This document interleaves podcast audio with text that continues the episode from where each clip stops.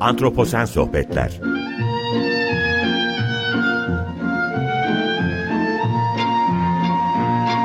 Hazırlayan ve sunan Utku Perktaş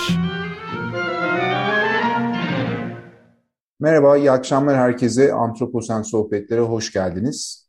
Bu hafta istilacı türler üzerine konuşacağız. İstilacı türlerin biyoçeşitlik üzerine etkisi. Bu önemli bir konu. Özellikle iklim krizinin etkilerini yaşadığımız bugünler e, istilacı türler anlamında da önemli bir durumu ortaya koyuyor esasında. Çünkü türler iklim değişimine karşı, iklim krizinin getirdiği küresel ısınmaya karşı daha doğrusu dağılımlarını değiştirerek genel olarak cevap veriyorlar. Ve bu dağılım değişimleri sonucunda da e, çok alışık olmadığımız türleri e, çok alışık olmadığımız habitatlarda ya da ortamlarda ya da ekosistemlerde görebiliyoruz. Ve bunun sonucu olarak da o ekosistemin ya da o habitatın yerli olan türleri e, istilacı türler tarafından ya da dağılımını genişleten bu türler tarafından tehdit altına girebiliyorlar. Bunun hem tatlı sularda örnekleri var, hem iç sularımızda, hem denizlerde, hem karasal ekosistemlerde birçok örneği var esasında. Ülkemizde e, istilacı türler anlamında tehdit altındaki e, coğrafyalardan birisi olarak değerlendirilebilir. E, bu konuda ben detaylara girmeden önce e, bu haftaki konuğumu tanıtmak istiyorum. Bu haftaki konuğum Profesör Doktor Güler Ekmekçi, Hacettepe Üniversitesi Biyoloji Bölümü öğretim üyesi. Güler Hocam hoş geldiniz. Davetimi kabul ettiniz. Çok teşekkür ederim. Ben de teşekkür ederim. Bana bu konuda e, söz verdiğiniz için sağ olun. Hocam çok memnun oldum. Ben çok da heyecanlıyım. Çünkü sizin e, istilacı türler konusunda e, özellikle tatlı sularda çok önemli çalışmalarınız var. Ben de e, bu konuyu işlemek istediğimde bu antroposen sohbetlerde e, ilk aklıma gelen siz olmuştunuz. Çok Şimdi bu anlamda ben e, dinleyicilerimiz açısından da e, belki terim yabancı gelebilir diye düşünüyorum ama istilacı tür ne demek? Bunu e, bunu nasıl açıklarız? Bu konuda ne söylersiniz? Şimdi öncelikle İstilacı tür e, belli bir alanda, daha doğrusu bir habitatta normalde dağılış göstermeyen e, kazara ya da doğrudan insan etkisiyle taşınmış bir e, canlıları e, işaret ediyor. Bunlar bitkiler olabilir, hayvanlar olabilir, mantarlar olabilir. İşte e, gördüğünüz gibi çeşitli e, mikrobiyal e, organizmalar olabilir.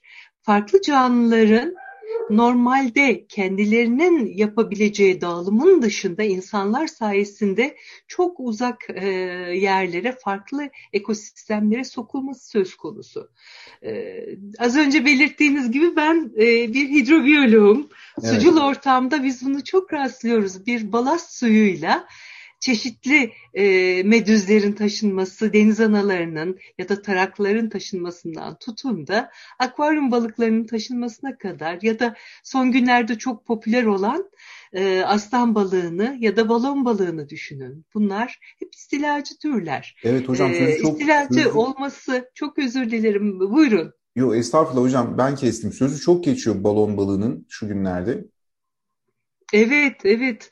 E, istilacı dediğimiz zaman sadece e, yeri değişen balık e, canlıdan söz etmiyoruz. Yeri değişen evet. canlının ekolojik, ekonomik ve insan sağlığına olumsuz etkilerinin e, olması söz konusu.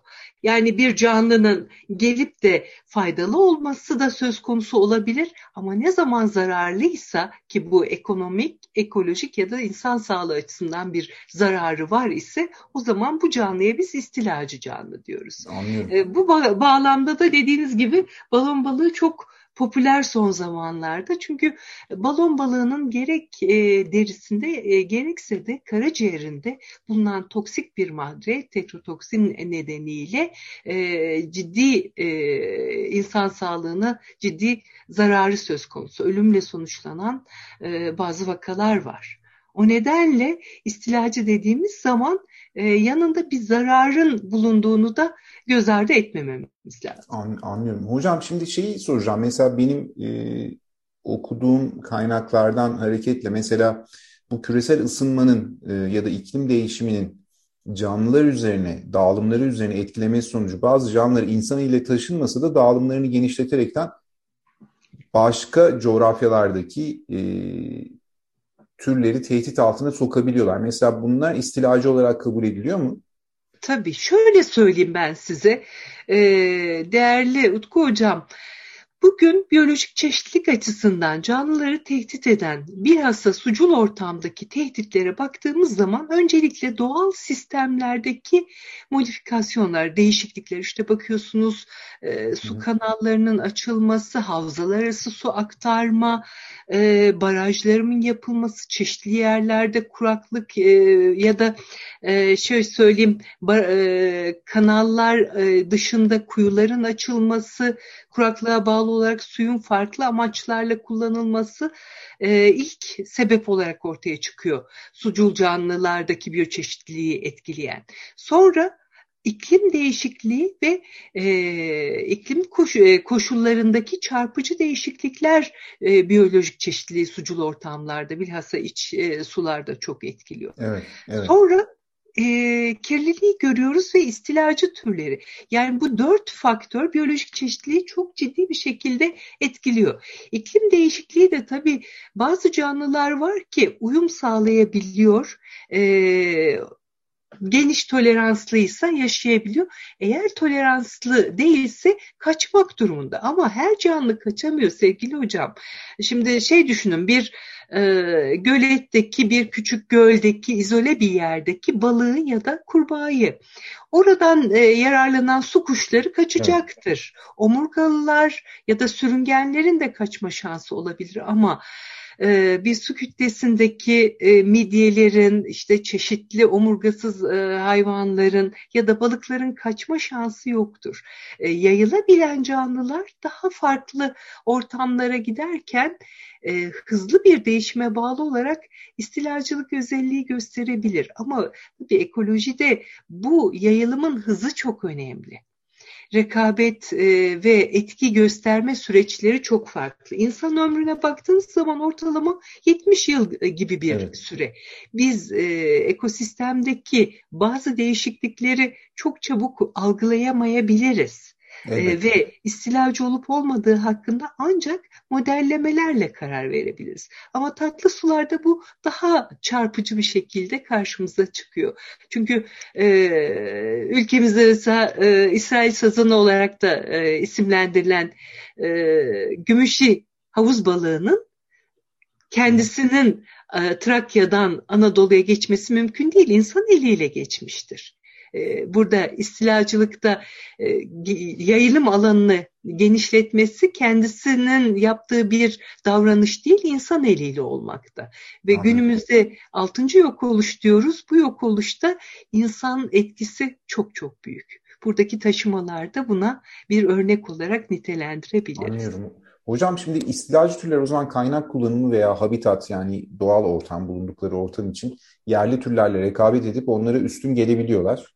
Böylece evet. de o bölgedeki komünitenin yapısını değiştirebiliyorlar ve komüniteyi sizin de söylediğiniz gibi hani 6. yok oluşun içindeyiz ama bu da bir yok oluş faktörü olarak karşımıza çıkabiliyor. O komüniteyi yok oluşa doğru da sürükleyebiliyorlar anladığım kadarıyla. E, kesinlikle öyle. Sevgili hocam, son 40 yılda Türkiye'de tatlı su balıklarımızı e, ele alacak olursak, benim uzmanlık alanım olduğu evet, için buradan evet. örnek vermek istiyorum.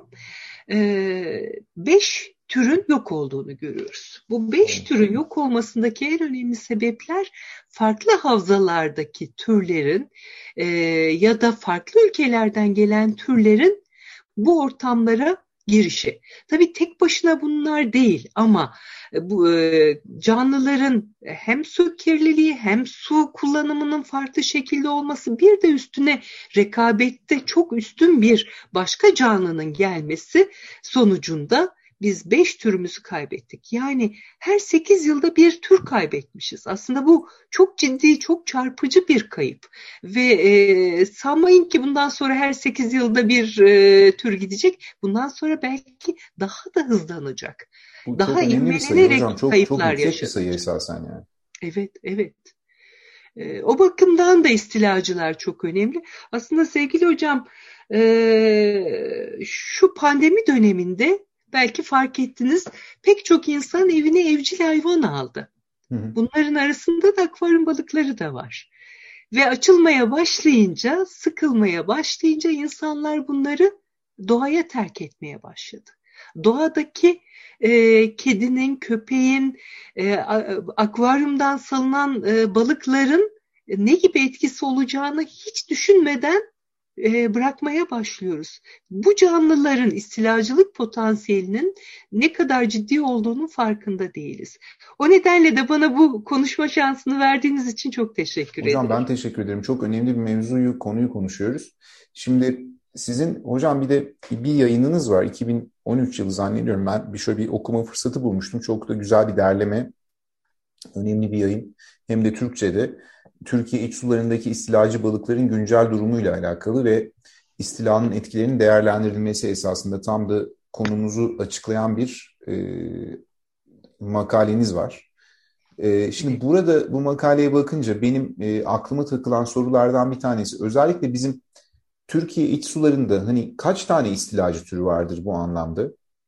Şimdi sevgili hocam, e, bizim bilim insanları olarak söze başlarken hep ifade ettiğimiz, e, kullandığımız bir ifade vardır. Evet. Bugünkü bilgilerimize göre e, diye başlarız her Tabii. zaman biz bu ifademize.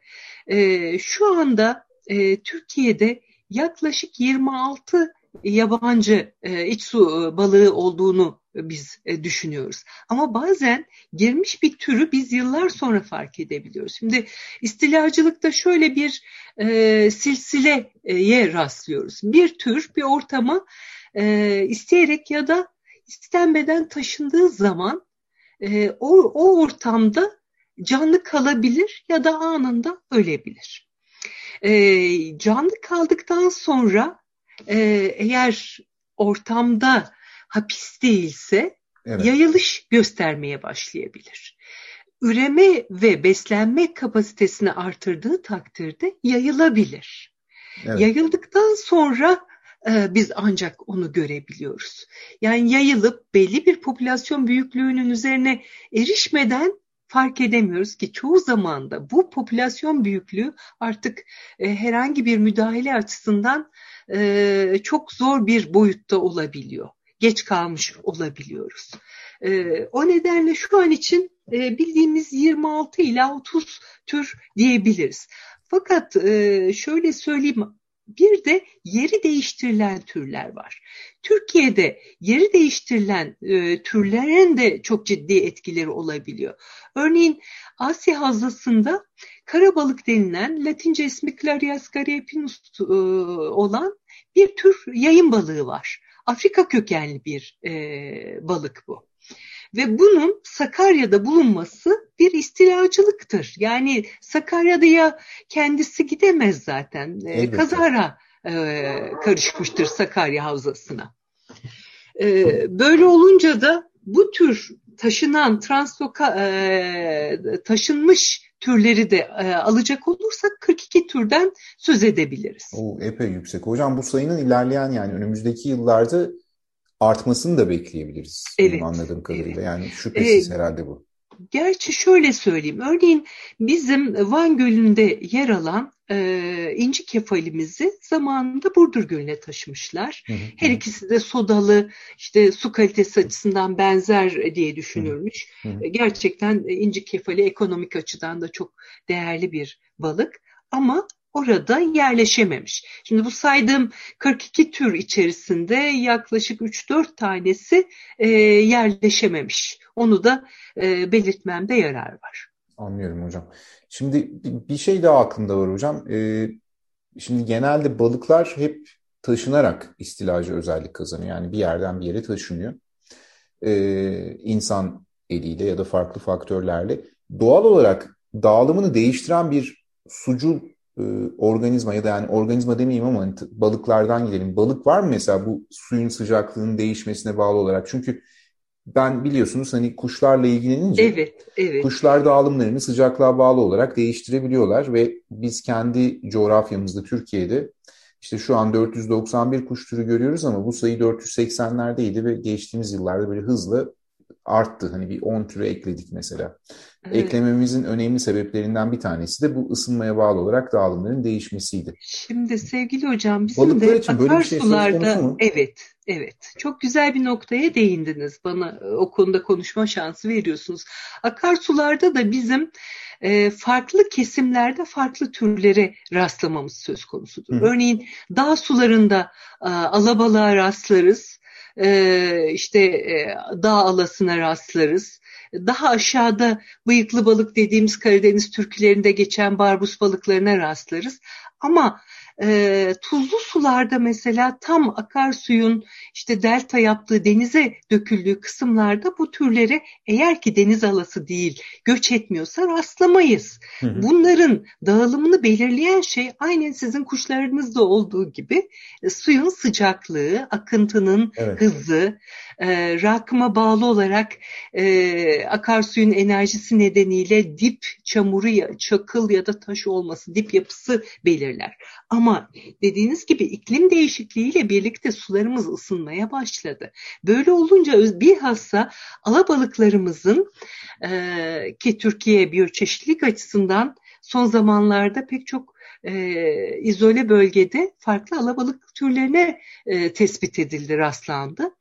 Bu türlerin dağılımının kısıtlandığını görüyoruz. Bunların alanlarına giren e, istilacılık niteliğine sahip henüz bir balık yok ama e, giderek iklim değişikliği nedeniyle alabalıklarımız gibi soğuk suları seven türlerin e, kaçacakları yerler kalmıyor. Kuşların kanatları var. Evet, Uçup daha öteye Hocam, gidebiliyor ama e, bizim balıklarımızın e, kaçacakları yer biraz e, kısıtlı. O nedenle de çok dikkatli olmak gerekiyor. Ve e, halk olarak aslında biz yeniliklere çok açık bir milletiz. Örneğin e, Alplerde yetişen bir alabalığa ben 2002'de Rize'de rastladım ve çok şaşırdım. E, Salvelinus e, alpinus denilen türü Rize'de gördüğümde çok şaşırdım ve orada e, ki e, benekli, kırmızı benekli alabalığın e, olduğu e, bir ortamda rastladığımda bana oradakiler dediler ki Almanya'dan işte Avusturya'dan gelen e, gurbetçi kardeşlerimiz bize hediye olarak bunların yavrularını yumurtalarını getirdi. Yasal olarak yasak. Ama gümrüklerde bunun e, geçişini kontrol edecek bilinçli biyologlar bulunmadığı için pek çok siz de biliyorsunuz pek çok yabancı kuşun, reptilin yani sürüngenin pek çok e, hayvanın bu şekilde kaçak olarak girmesi ve dağılması söz konusu. Şimdi evet. bu alabalıkta bizim doğal alabalığımızla e, melez oluşturuyor 2-3 kuşak devam ettikten sonra melezler yok oluyor. Ama o arada bizim türümüzün devamını engellemiş oluyor. Anlıyorum hocam. Hocam şimdi istilacı türlerin şüphesiz ekonomik etkileri de var.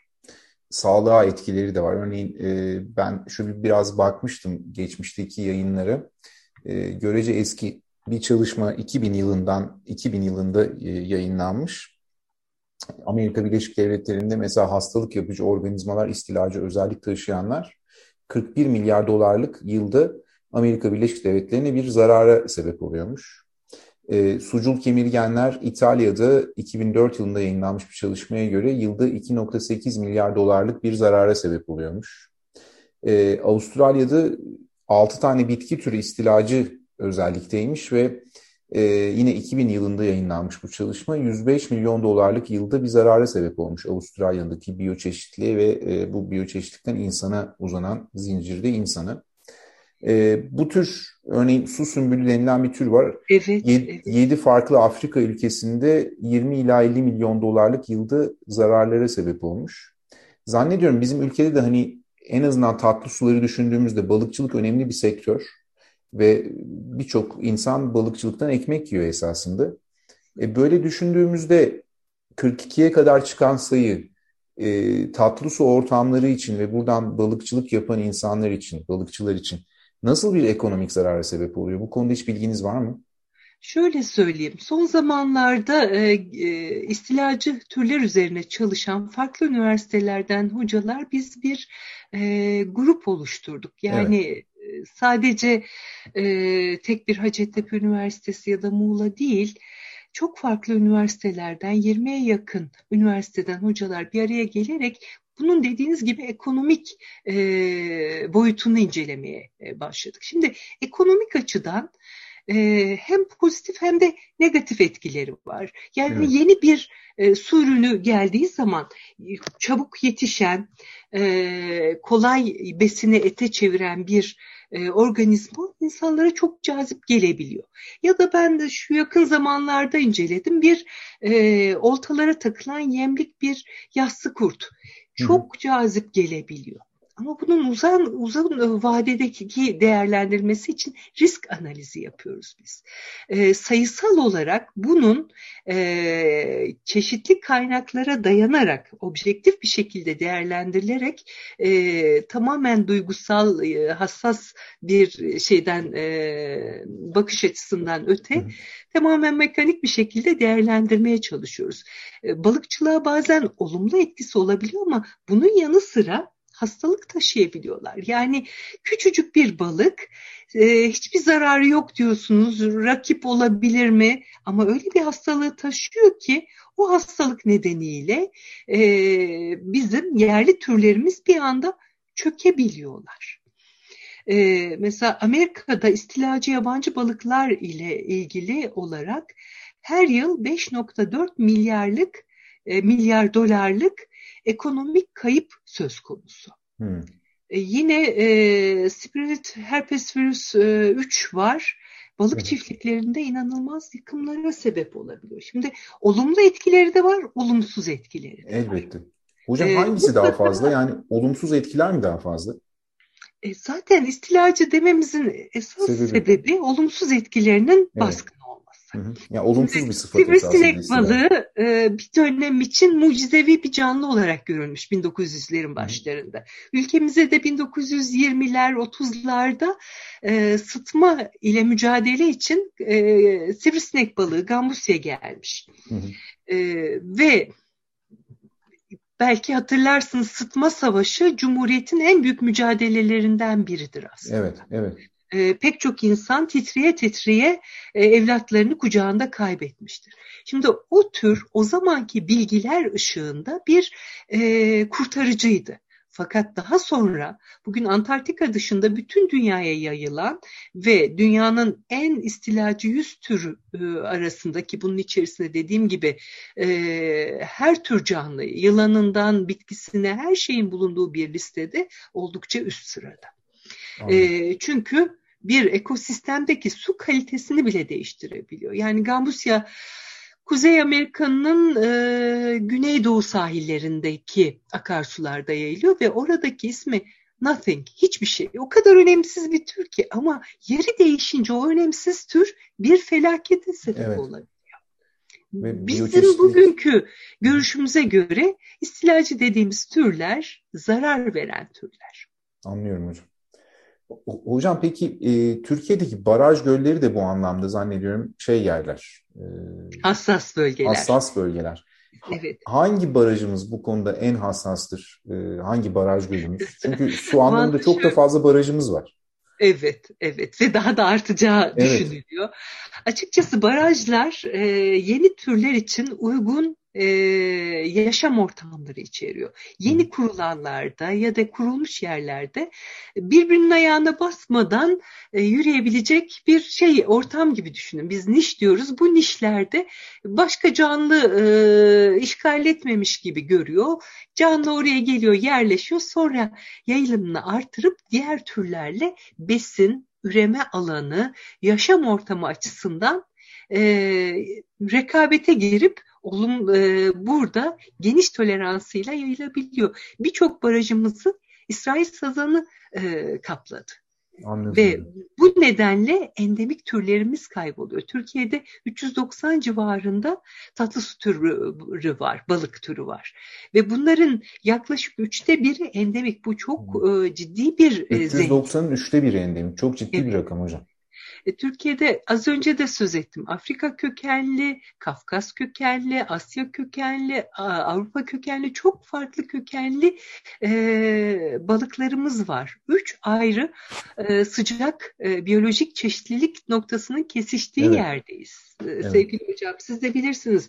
Çok zenginiz ama bu zenginlik çok ciddi bir tehlike altında. Tabii bir Amazon kadar zengin değiliz ama e, Elbette, baktığınızda ama... önemli bir e, biyolojik alandayız. Doğru hocam.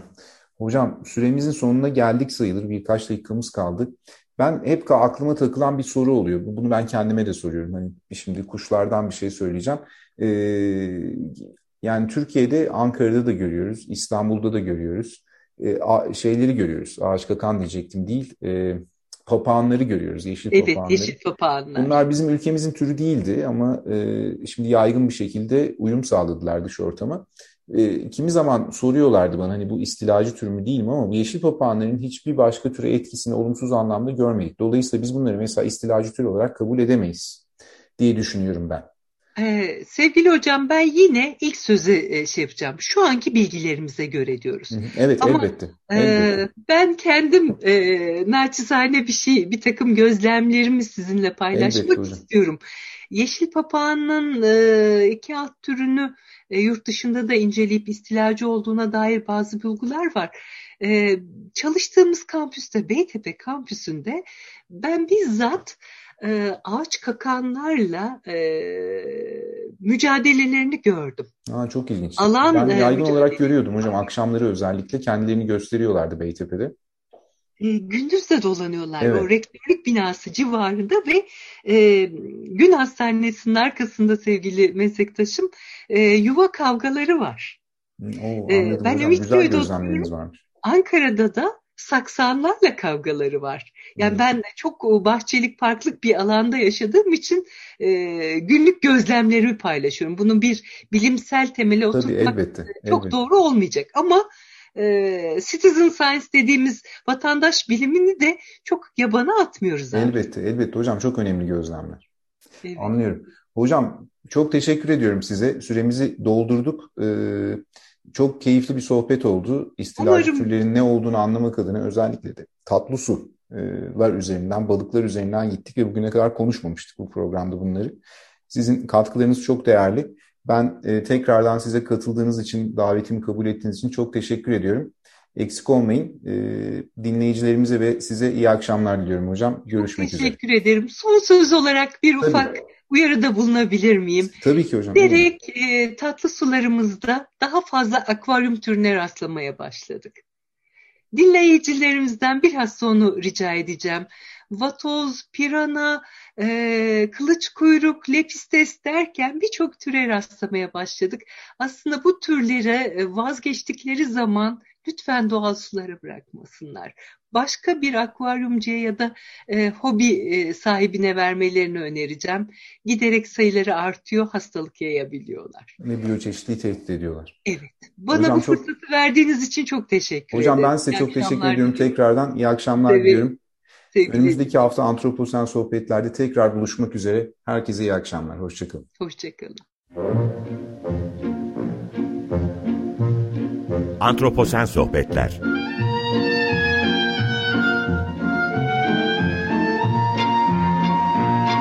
Hazırlayan ve sunan Utku Perktaş